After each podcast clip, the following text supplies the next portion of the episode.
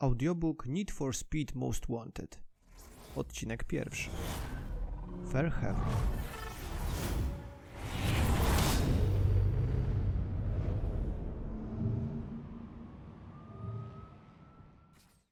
Nazywam się Bobby Marlin. Jestem kierowcą.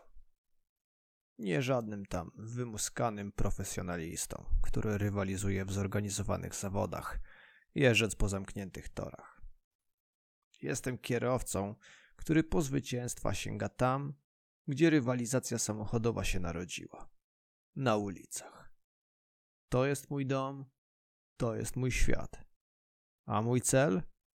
Być kierowcą Most Wanted, przed którym drży każdy gotowy docisnąć gaz do dechy. Rockport. To tam miałem napisać swoją historię i koronować się na króla szos. Wiele słyszałem o tamtejszych kierowcach. O piętnastce z czarnej listy, która wskazuje najlepszych z najlepszych w tym fachu. Chciałem się na niej znaleźć. Umieścić swoje nazwisko na samym szczycie. Zobaczyć Marlin napisane obok maźniętej markerem jedynki. Byłem pewny swoich umiejętności i zdeterminowany, ale to nie miało prawa wystarczyć. Skończyłem blisko dziesiątki, dopiero zaczynając zaznaczać swoje miejsce w świecie nielegalnych wyścigów, siedząc w palącym się wraku na autostradzie. Moment wcześniej z impetem wypadłem z zakrętu, rozbiłem kamienny mur wiaduktu i spadłem kilka metrów w dół. Straciłem kupę pieniędzy, ale też wiele lat życia. Kosztowne rehabilitacje i operacje wymagały czasu, żeby ciało znowu mogło jakkolwiek funkcjonować. Wiele kości zastąpiły metalowe elementy. Równie dobrze w żyłach zamiast krwi mogłaby płynąć w tym momencie ropa. Już wtedy, tracąc przytomność po wypadku, wiedziałem jednak, że wrócę. Osiągnę swój cel. Koszty nie mają znaczenia. Będę most wanted. Clarence, Razor, Callahan i Rockport będą musiały jednak zaczekać. Los chciał, że zapach palonej gumy poprowadził mnie w miejsce przypominające lustrzane odbicie tamtej lokalizacji. Znalazłem się w Fairhaven, gdzie o wszystkim znów decyduje lista. Tym razem jednak ma ona barwę bieli, a dziesięciu wpisanych na nią kierowców łączy śnieżny kolor lakieru ich maszyn. Już nie mogłem się doczekać, by zacząć je brudzić. Wkrótce zrozumieją, że nadszedł czas Bobiego Marlina. Rzucę Fairhaven do swoich stóp i mianuję się Bogiem tego pieprzonego miasta. Zapach benzyny, jeżący włosy warkot silnika, dźwięk pracującej przekładni. To mnie budzi do życia wyścigowych lalusiów, którzy tytułują się profesjonalistami, prowadzi się od małych pierdzidełek i muszą przejechać setki kilometrów. Nie będą mogli w końcu usiąść za kierownicą czegoś, co wreszcie wypada nazywać samochodem. Ja nie zamierzałem się zbyt długo przedstawiać Fairhaven. Granicę miasta przekroczyłem za kółkiem Porsche 911 Carrera S. Nie jest to może nic wyszukanego, ale do przywitania się wystarczy.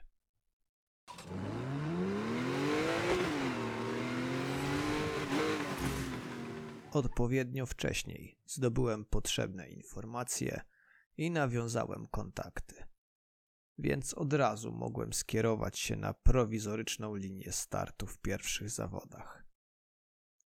W Fairhaven Nielegalne wyścigi odbywają się o każdej porze i w każdej części metropolii.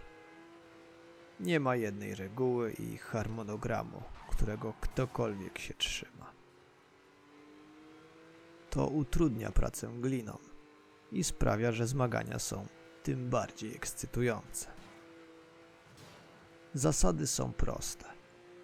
Wyznaczona linia startu i mety, do której należy się dostać jak najszybciej, zostawiając za sobą resztę stawki.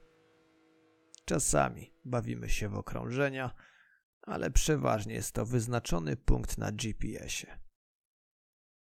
Żeby jednak nie było zbyt przyjemnie, satelitarnie wyznaczone są też punkty kontrolne, przez które po drodze trzeba przejechać.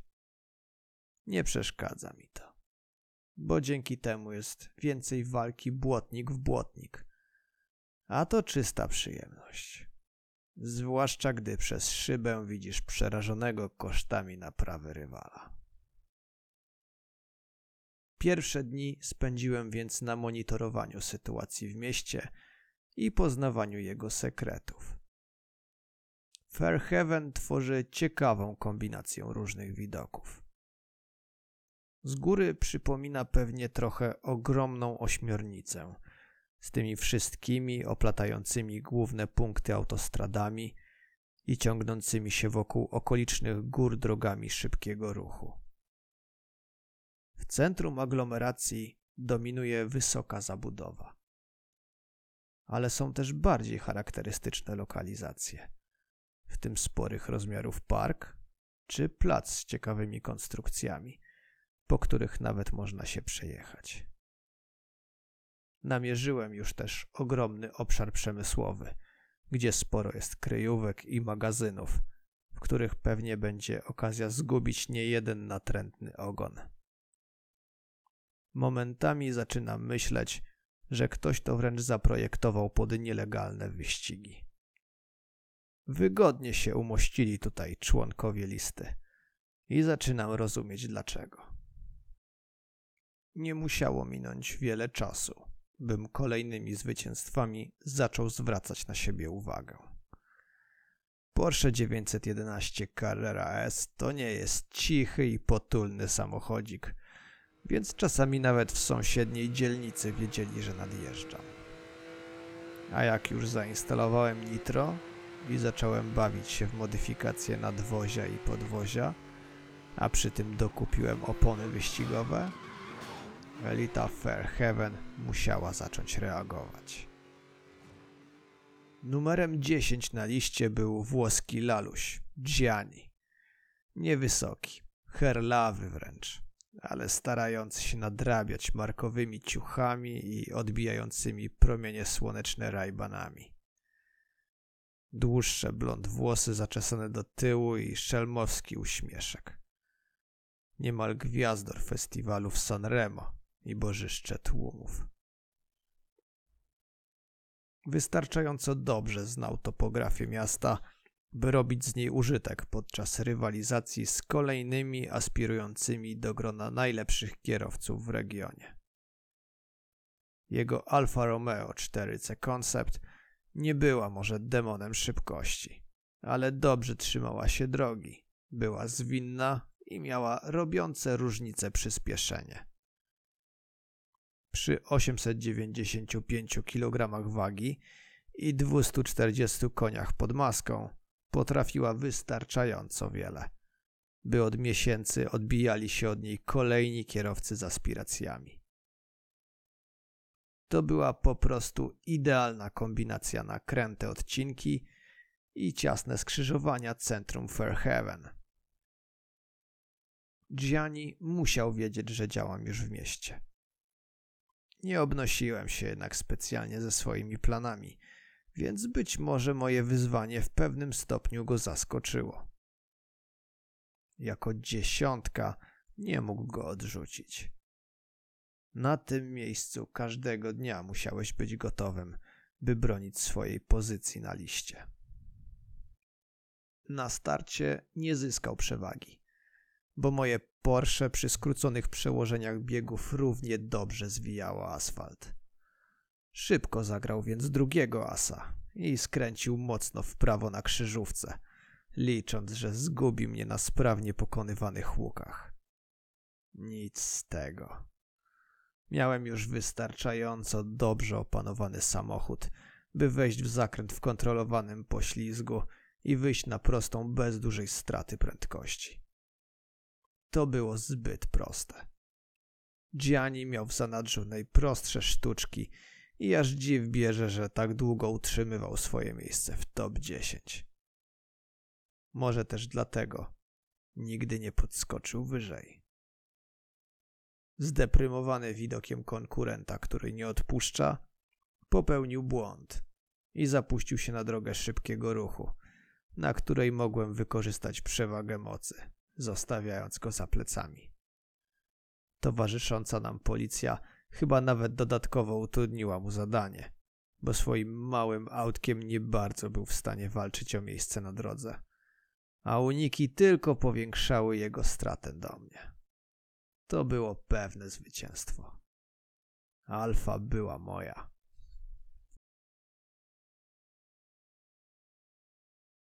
Informacje w Fairhaven roznoszą się szybko, ale jeśli nie słuchasz, to o pewnych rzeczach dowiesz się zbyt późno. Taki błąd popełnił Timo, numer 9 na tutejszej liście Most Wanted. Buongiorno, Gianni, jak leci?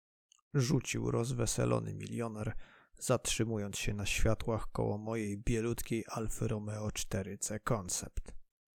Hmm? Coś taki markotny? Gorszy dzień? Nie ma się co chmurzyć, przecież jest tak pięknie. Znowu jakaś laska dała ci kosza, Gianni. Nie przestawał mówić, ale w jego głosie zaczęła pojawiać się nerwowość. Timo popełnił błąd i nie odebrał powiadomień, które informowały o zmianie na liście. Był przekonany, że jego pozycja jest nadal dobrze zabezpieczona przez strzegącego tyłów Gianniego. Włoch jednak wypadł już z rywalizacji. Opuściłem przyciemnioną szybę. Tak szybko, jak ona odsłaniała widok, tak prędko też zmieniał się wyraz twarzy kierowcy Shelby Cobry 427. Lepiej dociśnij pedał gazu do samego końca. Ścigamy się. Rzuciłem, a koła Alfy zabuksowały na światłach. Timo nigdy nie chciałby tego okazać, ale przez ułamek sekundy na twarzy wyraźnie wymalowało mu się przerażenie.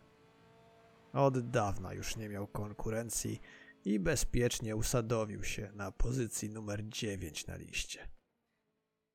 Jego liczący niemal pół wieku Roadster wygodnie się umościł na swojej lokacie i nieczęsto miał okazję zmuszać się do większego wysiłku. Nie mogło to dziwić, bo jego właściciel nie miał większych aspiracji. Moc samochodu wystarczyła, żeby radzić sobie z pojedynczymi konkurentami, których spotkał w minionych kilku latach na ulicach miasta. Od czasu, gdy dziesiątkę zajął Gianni, miał już praktycznie spokój. Łączyła ich jakby dżentelmeńska umowa, swego rodzaju pakt o nieagresji. Niemiec mógł mieć zasobny portfel, ale z pewnością nie był w stanie kupić umiejętności. Nie był powolny. Potrafił zrobić użytek z mocy kobry, ale w wyścigu miał jeszcze mniej do pokazania niż Gianni. Pokonanie go, prowadząc szybką i zwrotniejszą Alfa Romeo, okazało się formalnością. Nie spodziewałem się, że zajęcie dziewiątej pozycji na liście najlepszych kierowców Fairhaven będzie tak proste. A przy okazji mogłem dorzucić do garażu wspomnianą Shelby Cobra, choć niespecjalnie ciągnęło mnie, by nią jeździć. Może to trauma z wypadku, ale jednak wolę mieć kawał blachy, który osłoni głowę w razie jakiejś większej kolizji. Odstawiłem Alfę do garażu. Dobrze wiedziałem, że konkurencja nie śpi i zaczęła już obserwować każdy mój krok. Nie byłoby rozsądnie odsłaniać wszystkie karty podczas zmagań w mieście. Czołówka listy z pewnością tylko na to czekała. Porsche spełniało swoje zadanie, ale nie poczułem z nim zbyt mocnej więzi. Nie było przedłużeniem rąk i nóg. Ten warkot silnika jednak hipnotyzował i potrzebowałem czegoś podobnego. Wybór padł na Chevroleta Corvette C6 ZR1. Amerykańska moc, ale podana z europejskim smakiem. Idealnie.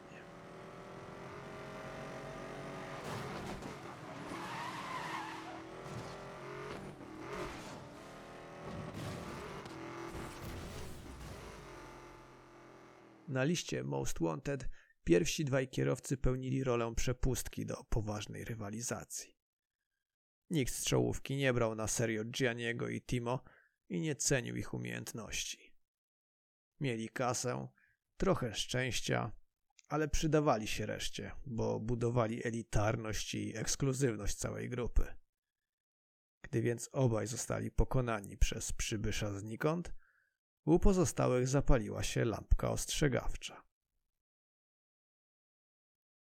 Kierowcy nie utrzymywali jednak zbyt bliskich relacji. Szanowali się, ale nie przyjaźnili i socjalizowali. Kontakty ograniczali do minimum i w zasadzie były to głównie rozmowy o charakterze biznesowym. Pomijając dwie pozostające w regularnych kontaktach kobiety, Lucy i Danikę, reszta raczej trzymała się własnych światów, obawiając noża wbitego w plecy przez potencjalnego rywala. Nie wyglądało to tak przed laty, gdy na szczycie był jeszcze Zak. Za jego czasów biała lista miała swoje zasady i choć łamała prawo, ścigając się na ulicach miasta, to zniszczenia i zagrożenia ograniczała do minimum. Potem nadeszła epoka Scotta, a wraz z nią przyszły brudne pieniądze, podejrzane znajomości i nieczyste zagrywki. Swoje miejsce w stawce utracili kierowcy niezdolni walczyć do końca, bez względu na konsekwencje. Zajęli je za to gotowi na wszystko zabójcy w machinach śmierci, jak pisali dziennikarze lokalnego tabloidu. Moje dwa zwycięstwa zostały dostrzeżone, ale przez lidera stawki były zbywane jako niewiele znaczące. Im jednak niżej w tabeli, tym wzrastała uważność i gotowość. Następny na liście był Sage, a on miał się czym denerwować. To jedyny w historii listy kierowca, który notował tak duże awanse i tak spektakularne spadki. Przez moment był nawet trzecim najszybszym w Fairhaven, ale porażka w rywalizacji z Zakiem sprawiła, że posypał się i w kolejnych tygodniach stracił niemal wszystko, co wcześniej zbudował. Obronił się dopiero na pozycji numer 8. Dokładnie tej, na którą miałem teraz apetyt. Problemem Sage'a, który jeździł naprawdę znakomitym samochodem Mercedesem Benz SL65 AMG Black Series, była nieumiejętność utrzymania koncentracji. Popełniał błędy. O wiele za dużo błędów, by marzyć o podbiciu listy. Zbyt szybko tracił rezon i dawał się ponosić emocjom. To z kolei dawało mi bardzo dużą szansę na zwycięstwo. By jednak móc podejść do tej rywalizacji, potrzebowałem jeszcze lepiej poznać topografię miasta. Wiedziałem, że poradzę sobie na autostradach i wybrnę z rywalizacji w centrum aglomeracji. Do zwycięstw mogę też jednak potrzebować skrótów, i umiejętności wykorzystywania na swoją korzyść terenu z pozoru nieprzystosowanego do samochodów sportowych. Było parę takich miejsc w Fairhaven, bo miasto nieustannie przechodziło remonty i renowacje. Częściowo wymuszone przez nielegalne wyścigi, częściowo przez pragnących większych wygód mieszkańców. Miałem już dobrze opanowaną korwetę, w której zainstalowałem też wszystkie potrzebne modyfikacje. Na szutrowo-błotniste sprawdziany przesiadłem się do Lanci Delty Integrale.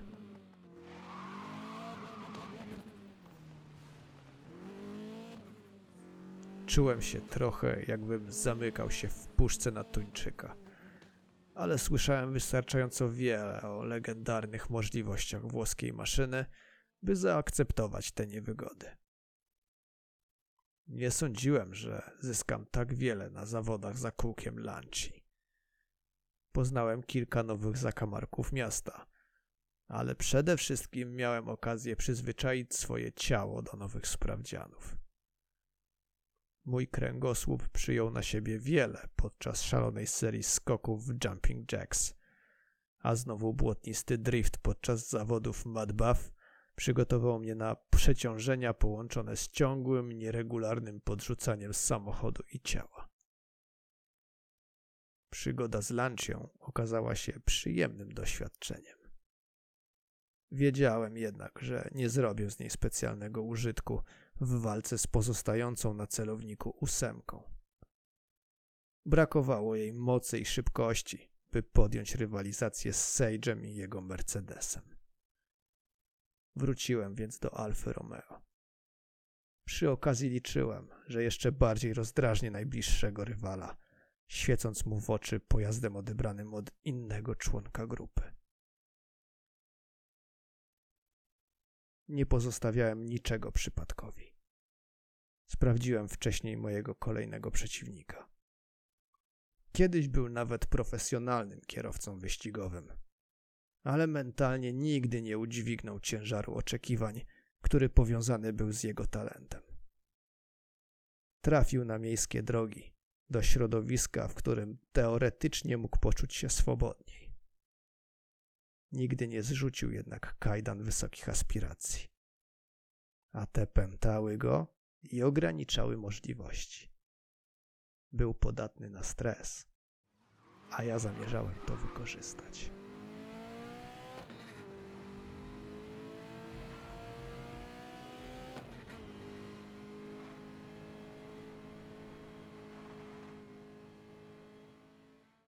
Dziękuję za wysłuchanie pierwszego odcinka audiobooka z gry Need for Speed Most Wanted z 2012 roku.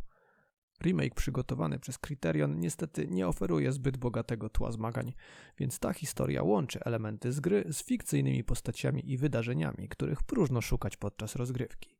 Jeśli podoba Ci się taka forma wspominania i przedstawiania ulubionych tytułów, obserwuj profil Gralingradu, by nie przegapić następnych odcinków oraz innych słuchowisk na bazie popularnych produkcji.